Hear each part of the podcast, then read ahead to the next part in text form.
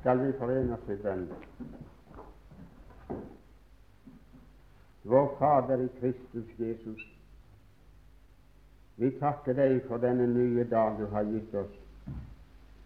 Takk for nattens hvile og ro, for alt som er vel med oss, til legeme og sjel også i dag. Mange som gikk til ro i går, sunne og frisk og glad. De vonder seg i nød og smerte og sorg av mange slag denne morgen. Oss har du spart, og den nåde takker vi deg for.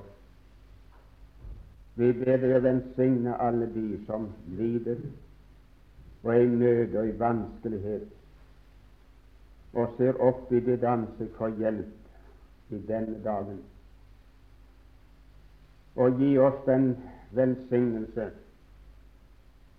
den hjelp som vi trenger for timene og dagen som ligger foran oss. Du vet hva den bærer sitt skjøt. Før kvelden kommer, kan noen av oss være kastet ned i sorg og nød. Men vi anbefaler oss i dine hender. Syng oss til ære for ditt navn. Amen.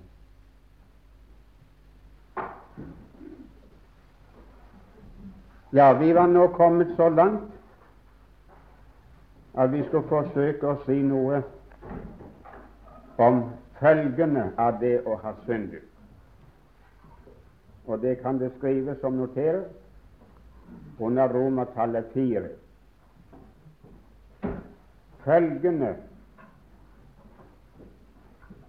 eller rettere sagt skriveres følger av det å ha syndet. For jeg kommer til å nevne bare noen få. Alle kan vi ikke komme inn på.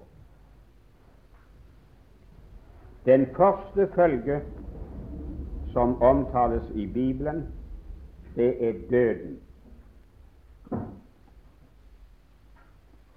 Dere kan notere Første Mosebok 2, 16 og 17, Esekel 18 og vers 4. De stedene de er jo så godt kjent at det er ikke nødvendig å slå de opp. På det første sted der sa Herren at på den dag som du eter av kunnskapens tre, så skal du visselig dø. Og hos Esekiel 18,4 står det i siste linje at den sjel som synder, skal dø.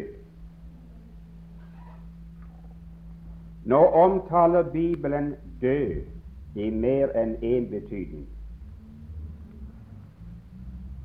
Den omtaler død i betydning av fysisk, legemlig død. Og det har jeg jo allerede sagt en del om tidligere at synden kom inn i verden ved ett menneske, og døden den trengte igjennom til alle mennesker fordi de syndet alle. Og så er det tale om åndelig død. Og åndelig død betyr intet annet enn atskillelse fra Gud. Det nevnte jeg også litt om i en av de første timene, nemlig fra Isaias var det ikke 52,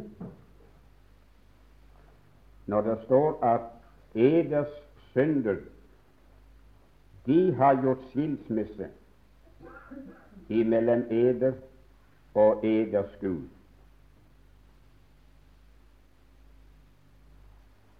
Nei, den Det var feil. Det er 59, Isaias 59. Eders misgjerninger, de har gjort skilsmisse imellom eder og eders Gud. Jeg kunne kanskje her minne dere om hva det sies i Lukas 15 i forbindelse med den tapte sønnen. Da han kom hjem, så sa Faderen om ham denne min sønn var død, men han er blitt levende igjen. Mannen mente ikke at den sønnen hans hadde vært ute av eksistens og ikke vært til mer, men han mente ganske enkelt at han hadde vært skilt fra meg. For meg har han vært like tapt og like nytteløs og like meget ute av samfunn som om han hadde vært legemlig død og lagt i graven. For far var han død, fra ham var han avskilt, men ute i det fremmede land, der var hans spill levende. Så for de var han ikke tapt. De nøt samfunn med ham, og de fikk nyte av den arven som han ødela. Så han eksisterte, han levde, men var allikevel død. Død i forhold til sin far, men levende i forhold til skjebne og borgeren i det fremmede land. I brevet til Efesene sies det i kapittel 2, de tre første versene, at også eder som var død ved eders overtredelser og synder, eder har han gjort levende med ham i det han tilga dere syndene. Dere som fordum vandret vandret etter høvdingen for hærmakten i luften. Og de gjorde kjødets og tankenes vilje, og var av naturen vredens barn, akkurat som de andre. Altså, de var dobbeltmennesker. Den siden som vendte mot Gud, den var død. For ham var de tapt og nytteløs, akkurat som den forlorne sønn overfor sin far.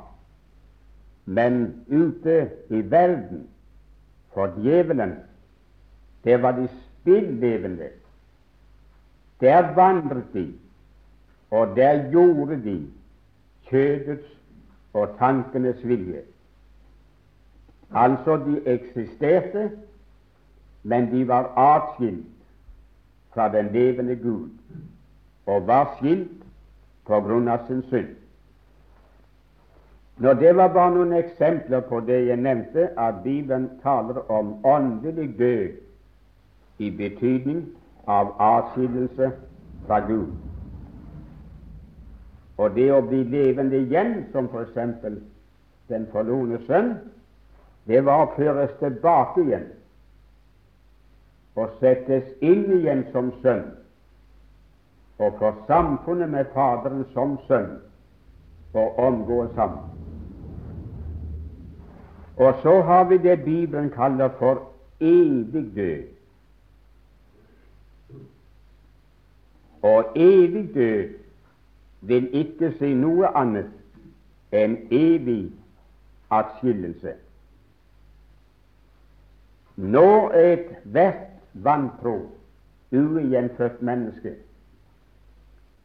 skilt fra Gud, død midlertidig. Og nå kan de bli levende. De kan føres tilbake og gjenforenes med Gud. Men det kan inntre en tilstand hvor den atskillelsen, den er evig den er konstant. De er skilt fra ham én gang for alle. Det er åndelig, evig død og evig atskillelse. Og det er den død den evige, som kalles den annen død. Det betyr ikke at de går ut av eksistens, men de blir i sin atskillelse fra Gud. Det er noen for tiden som har forferdelig travelt med å få innbille ufrelste folk, og for så vidt også troende, at det er ingen endelig og evig, evigvarende fortapelse. Det er en fortapelsens mulighet, skriver de. Men den muligheten består bare i at de til slutt skal brenne opp og tilintetgjøres. Det skrives offentlig, og det forkynnes offentlig. Jeg har bøker stående hjemme i hyllen hvor det er hevd, og hvor en av biskopene våre, og det er ikke skjeldrop, forsøker å påvise det. Han skal prøve å bevise det, at ugudede folk risikerer ingen annen ting enn å utslettes, tilintetgjøres. Boken den heter Tid og evighet. Og vi hadde nylig en forkynner som reiste omkring, som hadde møter hjemme hos oss enten jeg skal si heldigvis eller uheldigvis, det vet jeg ikke, så var jeg ikke på møte, eller på noen av møtene. Jeg var opptatt et annet sted. Men han tror ikke på noen evig fortapelse, evig atskillelse, dvs. Si evigvarende. De skal tilintetgjøres. Han kunne ikke dy seg en kveld, fortalte de meg når jeg kom hjem så måtte han gi uttrykk for det. Hadde jeg vært på møte, så kunne jeg aldri ha gått ut og tidd. Jeg har vært nødt til å protestere. Jeg har tidligere diskutert spørsmålet med ham på tomannshånd, så jeg vet hva han tror, og vet hva han lærer. De hadde visst ikke sagt noe til han hjemme, så det gikk greit. Han samlet mange folk. Men han var på et annet sted i nærheten, og der sa lederen til ham den kveld han hadde vært inne på det samme det er best du reiser i morgen. Vi har ikke bruk for en mann her på stedet som skal fortelle folk at de skal tilintetgjøres. De risikerer ikke noe mer. Og så måtte han reise. Og det var rett nok.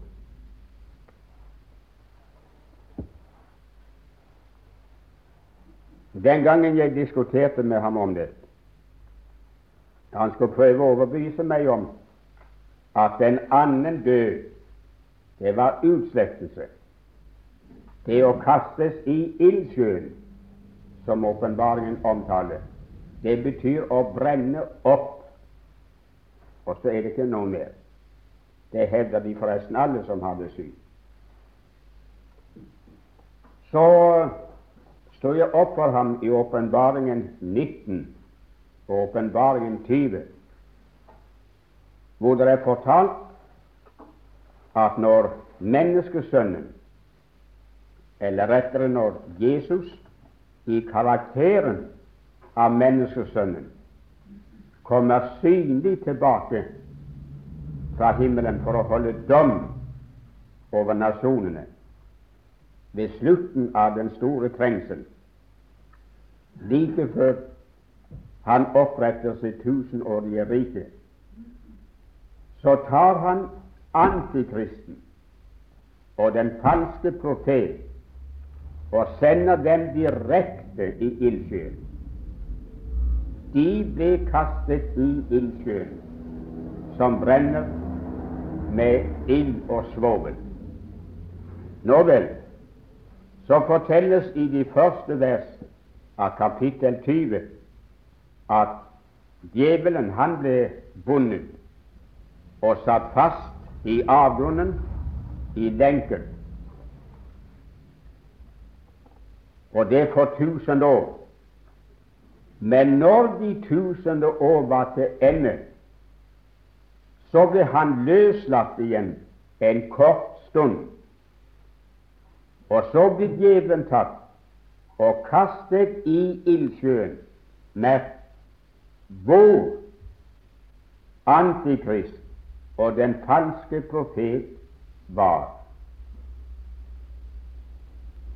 Så sa jeg til ham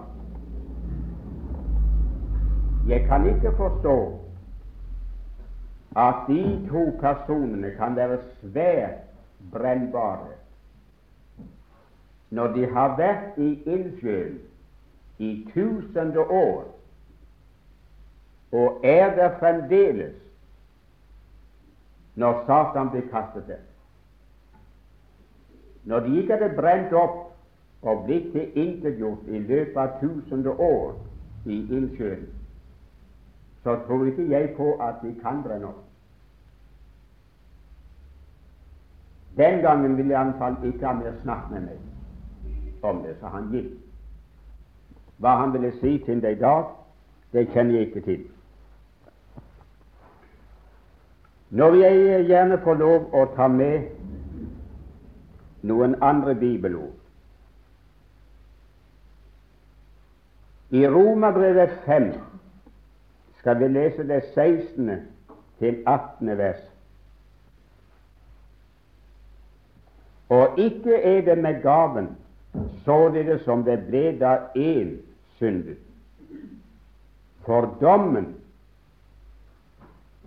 ble til fordømmelse for ens skyld men nådegaven til frifinnelsesdom for mange falls skyld. For kom døden til å herske ved den ene på grunn av den enes fall, så skal meget mer de som får nådens og rettferdighetsgavens over vetters rikdom, leve og herske ved den ene Jesus Kristus.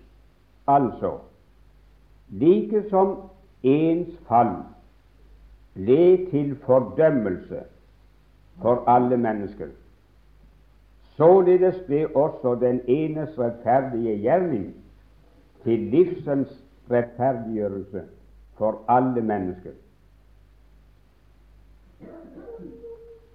Altså ved den synden som kom inn i verden, ble der avsagt en dom fra Gud som led på fordømmelse.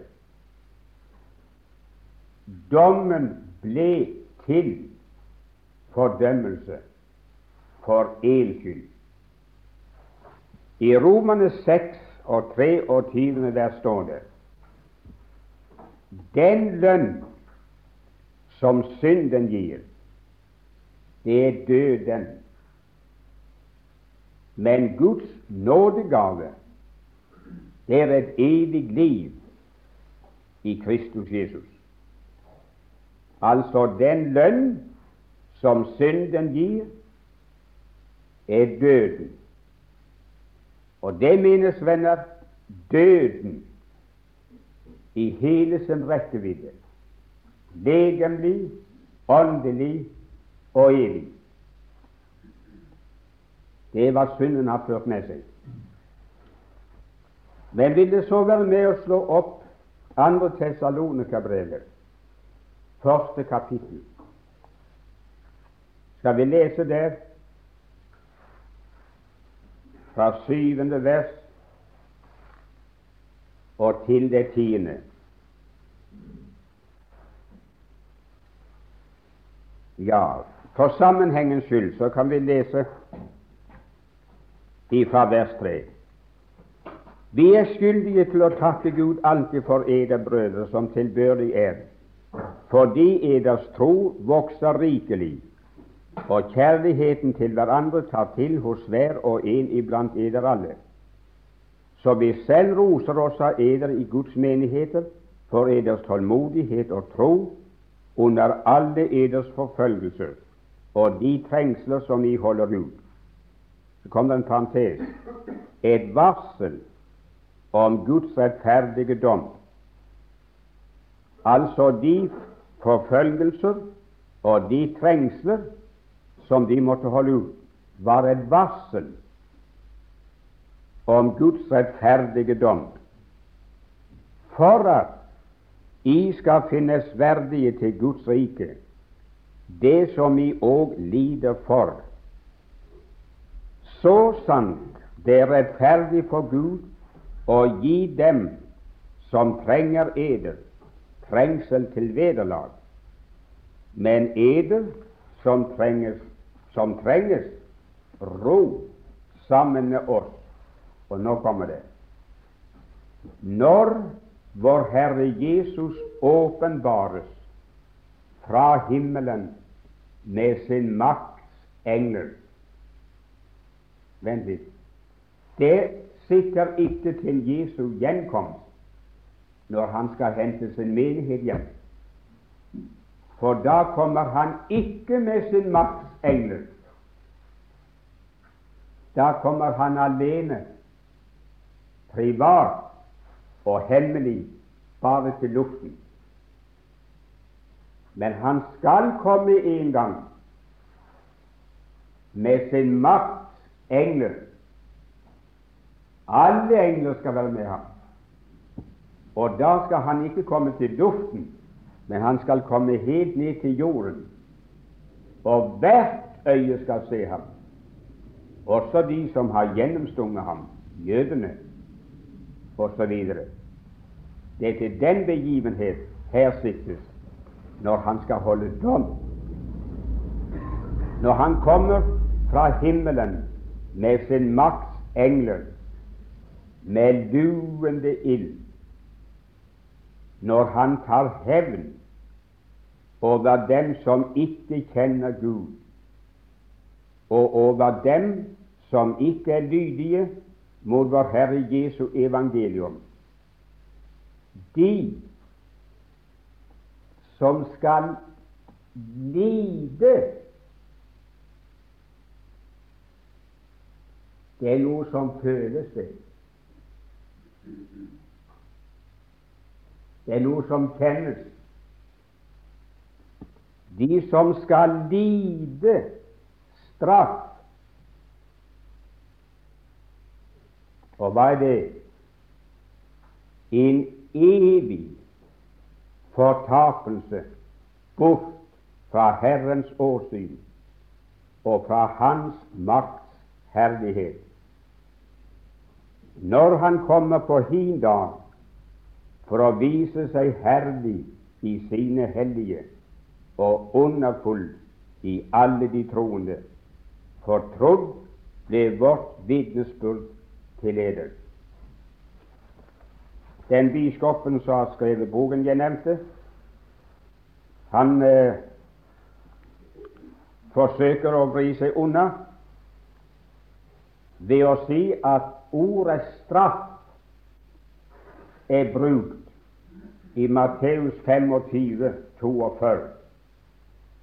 Og så står det at de skal gå bort til evig pine. Men, sier han, der skal stå straff ifølge grunnteksten, slik at det er ingen ifølge Bibelen som går bort til pine, men til straff. Og straffen består i de utslettes Og så er det ikke rom for noen pine. Når jeg leste det, så tenkte jeg det er merkelig hvordan han kan hoppe over et sted som 2. Tessalonika brev 1. For der er ordet straffbruk. Men der sies det at de skal lide straff. Og hva forskjell kan det være mellom det å lide straff og det å pines. Det er hinsides min begripelse. Og den straff de skal lide, er det som Bibelen kaller fortapelse. Men den fortapelsen, den er evig. Lide en evig fortapelse.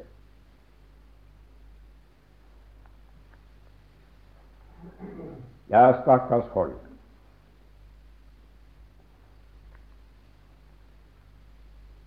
Det er godt vi ikke har noen ting med å dømme i slike saker. Men jeg gruer ved tanken på hva slike mennesker skal få å svare for når de skal gjøre Gud regnskap, endog for hvert unyttig ord de har talt.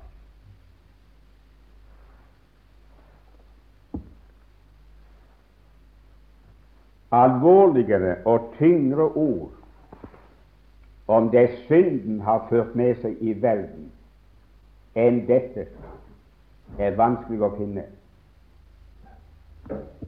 De skal lide straff, en evig fortapelse bort fra Guds ansikt. Akkurat denne som det er noen som skal gå bort til evig liv, så skal noen gå bort til evig straff og lide den. Og hvis evig er begrenset i det ene tilfellet, når det gjelder straffen, så har vi ingen sikkerhet for at det ene samme ord ikke er begrenset når det gjelder det tilkommende liv.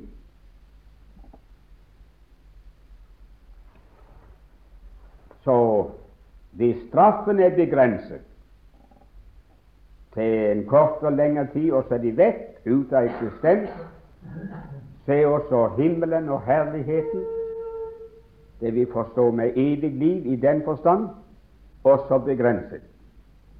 Vi har ingen sikkerhet for noe annet. Det ene og samme ord er brukt i begge tilfeller, og det er ene og samme vers.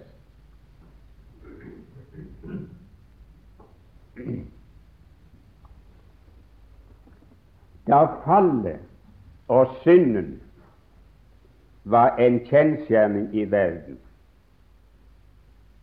så ble det avsagt den dom over oss som vi nå før har lest, som lød på fordømmelse.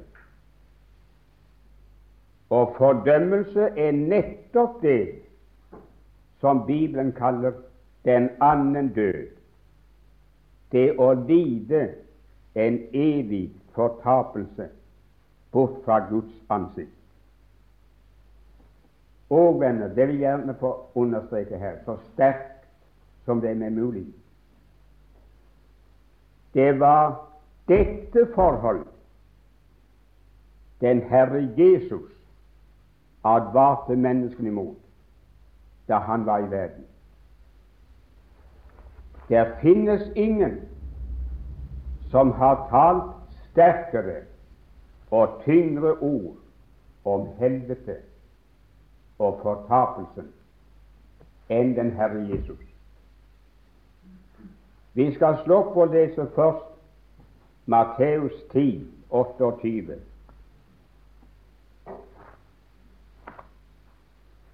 Matteus 10, 28. Frykt ikke for dem som slår legemet i hjel, men ikke kan slå sjelen i hjel. Men frykt heller for ham som kan ødelegge både sjel og legeme i helvete.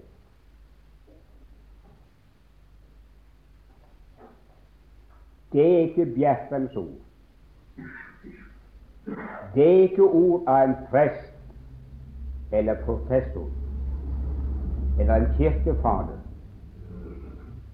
Det er ikke et kirkelig dogme som er ført inn i Skriften, men det er et ord av Guds egen sønn. Det er én som kan ødelegge både sjel og legeme i helvete. Og vi slår opp Matteus 5, 22 og 29.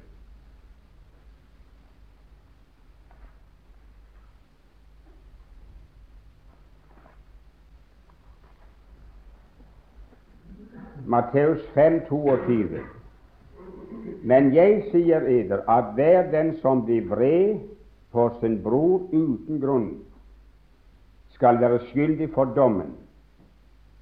Men den som sier sin, til sin bror Raka, skal være skyldig for rådet.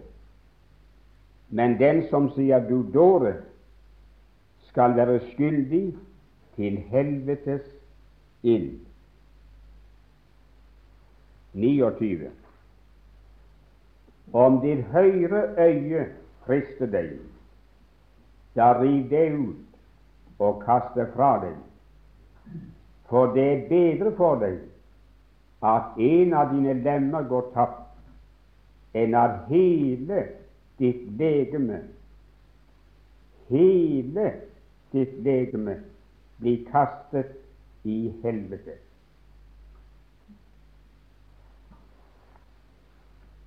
Her vil jeg gjerne bare gjøre oppmerksom på at de ordene står i den første del av Jesu bergpreken. Her er nemlig de som uh, sier det og skriver det,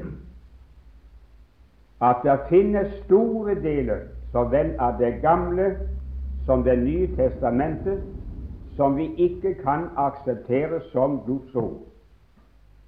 Det er ikke inspirert tale. Det er menneskeord med menneskelige tilsetninger, dels av apostlene, dels kommet inn senere ved oversetterne. Men, sier de, gi oss Jesu bergpreken der har vi Guds ord. Der har vi Jesu ord. Det er Hans lære. Den tror vi på. Ålreit. La oss gå med på det. Vi går iallfall med på at det er Hans ord. Men vi går ikke med på at det øvrige mellom de to permene ikke er Guds ord i et og annet. Men la oss holde fast ved det at bergprekenen, den er Jesu Kristi egne ord. Men så er det nemlig den hake ved det at nettopp i den prekenen har han talt noen av sine frykteligste og sterkeste ord om helvete. Hvorfor vil de ikke ta de med, da? Vi skal slå opp Matteus 23 og lese to vers der. Matteus 23, 29 og 33.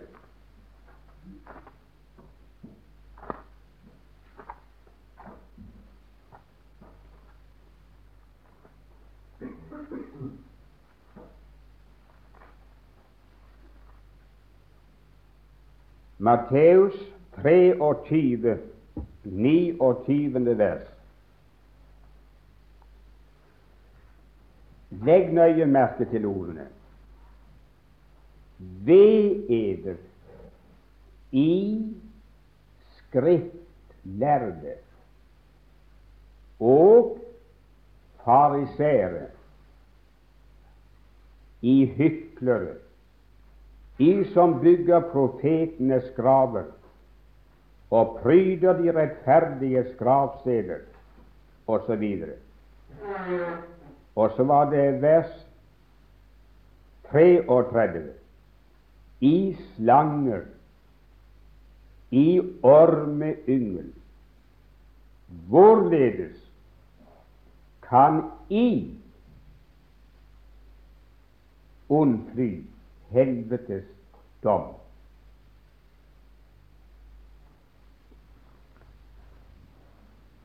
Hvorfor leser du det, sier du? Nettopp fordi at det sa Jesus til skriftlærde og til fariseere, de mest moralske og mest religiøse mennesker, de mest flekkfrie, som levde på hans tid.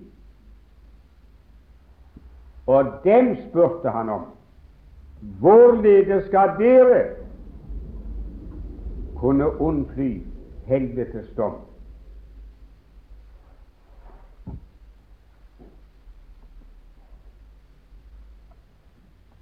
Her finnes en hel del som i tale og skrift hevder det er riktig nok det at det står disse ordene står i Bibelen.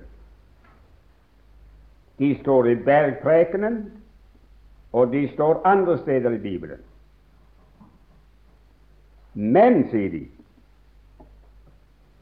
med helvete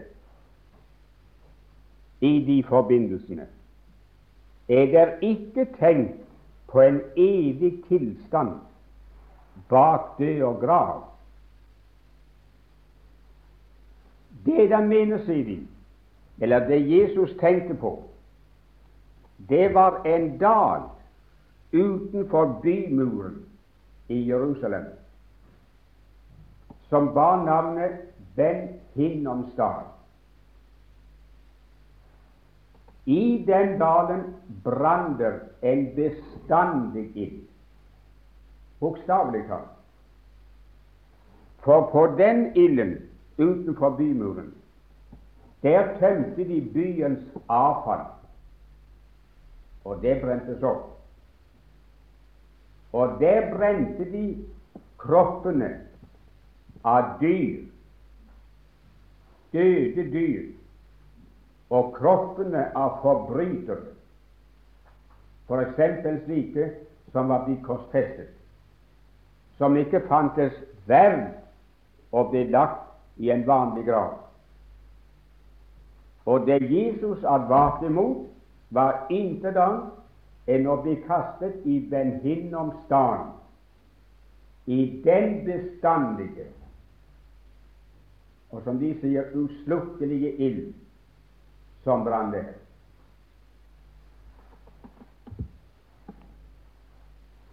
Ja, ja, jeg synes likefrem at en sådan tolkning den er latterlig. Var det ikke så alvorlige ting det gjaldt, så, så kunne vi le av det, latterliggjøre det.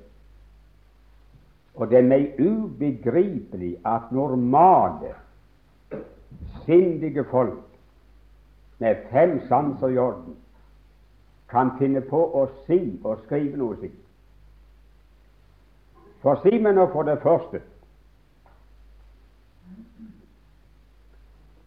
Kan vi få oss til å tro at Jesus brukte så alvorlige, så tunge ord og så tunge advarsler som han brukte i forbindelse med helvete, hvis det ikke gjaldt noe annet og noe mer enn det at kroppen kroppen ble brent opp utenfor bymuren i Jerusalem.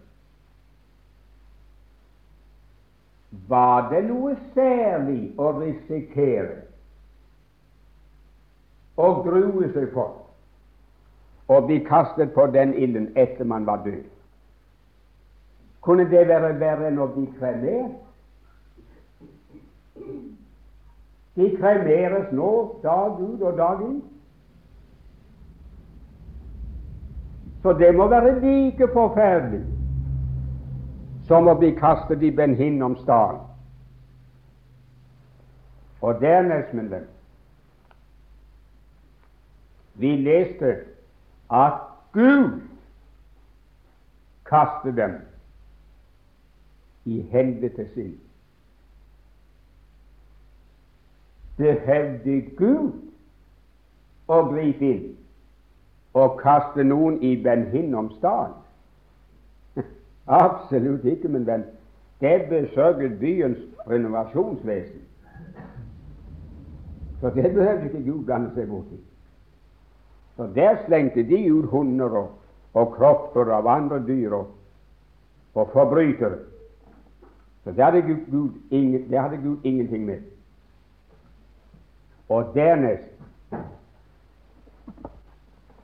kunne de fariseerne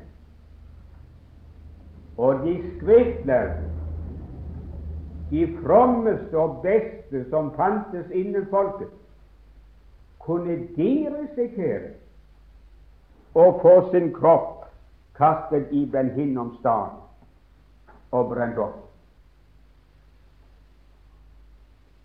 Det var forbryteres kropper av mennesker som blir kastet der. Men ikke av moralske, fine, gudfryktige, religiøse mennesker. Det var ingen av dem, dem som risikerte å få sin kropp kastet der. Og allikevel spurte Jesus slike folk hvorledes skal dere kunne unnfly helvetes dom? Så han må ha tenkt på noe ganske annet. Hvis det ikke finnes noe mer alvorlig bak Jesu ord, og noe mer alvorlig etter døden for et menneske enn som slike ting antyder, så synes Kristi lidelse og død for meg å være en meningsløshet. Der skal et dypere alvor bak til for å forklare hans lidelse og død. At han skulle gi avkall på å være i Guds skikkelse, ikle seg kjøtt og blod og bli et menneske, gå til Getsemane, Gabbata og Golgata og gi sitt liv i døden der som et offer for å befri folk ifra å få sin kropp brent opp i Benhinnoms dag. Det er nonsens. Det må ligge noe langt alvorlig bak det. Eller er det ingen mening i alt hva vi forkynner, som vi kaller evangeliet?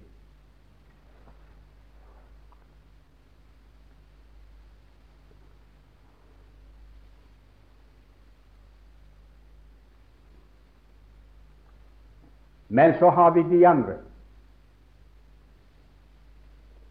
De går ikke med på denne forklaringen og henviser til Ben Hinnoms dal. Men de sier at vi kan ikke tro på en evig pine, en evig straffelidelse bak død og grav, for det strir imot fornuften. Og det strir imot kjærligheten. Det strir imot vår tro på at Gud er kjærlighet. Det kan ikke forenes med at en kjærlig, en evig kjærlig Gud skal kunne finne på å kaste folk i evig pine. Så det kan vi ikke akseptere.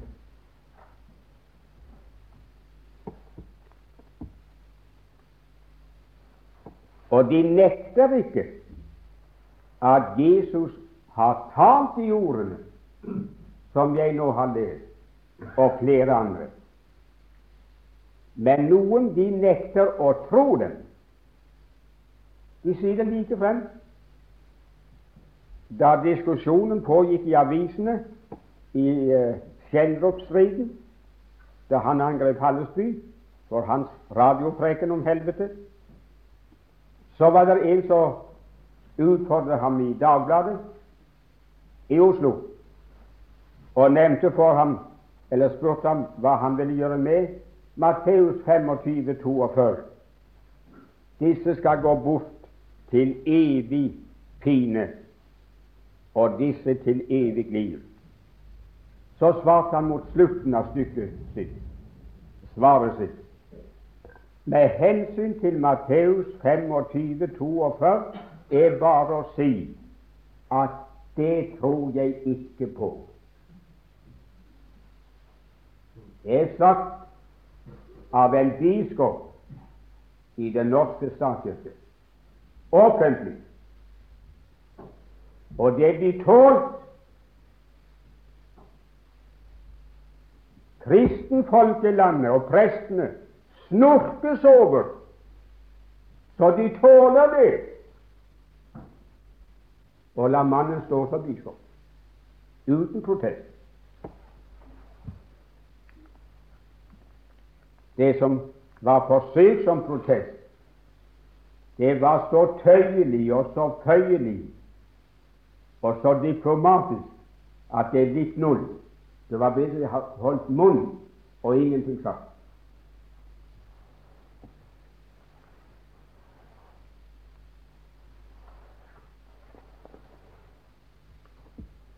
Og så sier de som han gikk i brodden for, at når Jesus sa de ordene som vi ikke godt kan fraskrive ham at han har sagt, så sa han det fordi han var oppdratt til å tro slik. Han var et menneske, og han var et barn av sin tid, og han trodde det som hans jødiske fedre og jødiske lærere lærte ham. Og troen på helvete, det var noe som hadde sneget seg inn i, uh, i uh, sel-jødedommen fra Persia. Ja, ser tiden er gått, så vi stopper der. Vi har litt mer å si om det. Hva dere vil synes om, og hva vi vil synes om det spiller ingen rolle for meg. Jeg snakker ut ifra at jeg tror. Og når jeg er så gammel, jeg har ikke så lenge igjen å preke, så hvis folk ikke vil høre meg mer fordi jeg taler ut fra min innerste overbevisning, så kan de la det være.